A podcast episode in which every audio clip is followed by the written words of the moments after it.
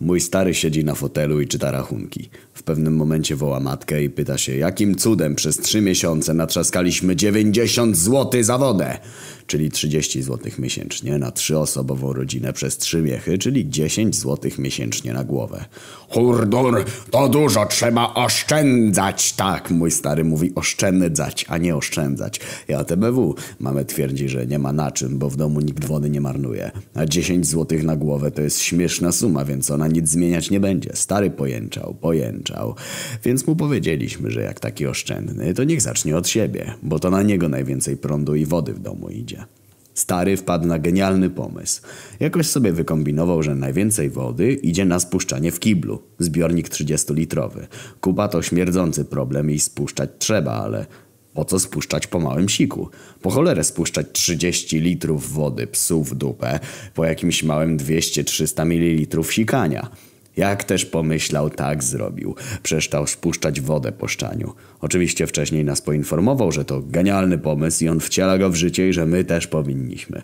Został wyśmiany przeze mnie. Mamę popukała się w głowę i stwierdziliśmy, że zobaczymy jak będą rachunki wyglądać po jego oszczędzaniu. Metr sześcienny wody u nas kosztuje jakoś 2,80. Jedno spuszczenie to 30 litrów, czyli jak stary 33 razy nie spuści wody, to oszczędzi metr sześcienny wody, czyli 2,80.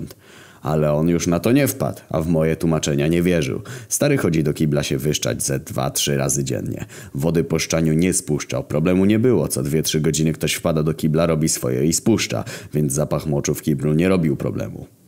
Dwa tygodnie później matka robi wielkie pranie pościeli. Na drzwiach, szafkach, suszarce i sznurkach pod sufitem zajebane suszącą się pościelą. W TV jakiś mieć, więc stary wieczorem strzelił hehe 4-5 piw. Polska grała chuj wieskim. Ja idę spać około 23. Matka idzie chwilę potem. Stary idzie spać o pierwszej w nocy. Ale przed snem go to piwo przycisnęło i poszedł się odlać. Szczał z dwie minuty, więc sporo tego piwa, szczyn w muszli. Oczywiście kurwa deski nie opuścił. Śpię, śnie o sraniu i byciu wygrywem. Budzi mnie głośny, przeciągły krzyk mojej mamy.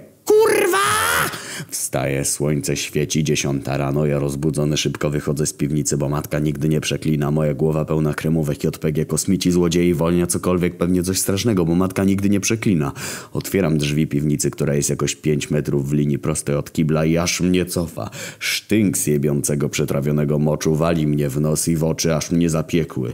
Stary zeszczał się wieczorem po tych pięciu piwach, nie opuścił klapy w małym, ciasnym, dusznym kiblu bez wentylacji, zajebanym, wilgotnym praniem. Jego niespuszczone piwne szczyny przez bitych osiem godzin śmierdziały i parowały w dusznym kiblu. Zasmrodziły świeżo wyprane pranie na trzy pełne pralki i przez wywietrznik w drzwiach rozniosły się na przedpokój i kuchnię. Małe mieszkanie, raptem 45 metrów kwadratowych. Do mojej piwnicy nie doszły, bo drzwi zamknięte. Do salonu rodziców też drzwi zamknięte. Matka wpada w berzerk. Wstawaj, świnio, patrz coś nie robił! Ja ci kurwa dam oszczędzanie, pijaku śmierdzący!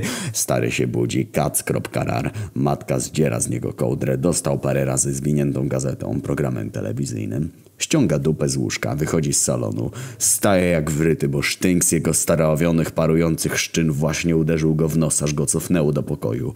Matka spuściła wodę, zdjęła śmierdzące pranie i wrzuciła do wanny. Otworzyła okna w całej chacie i wszędzie nasmrodziła odświeżaczem z puszki.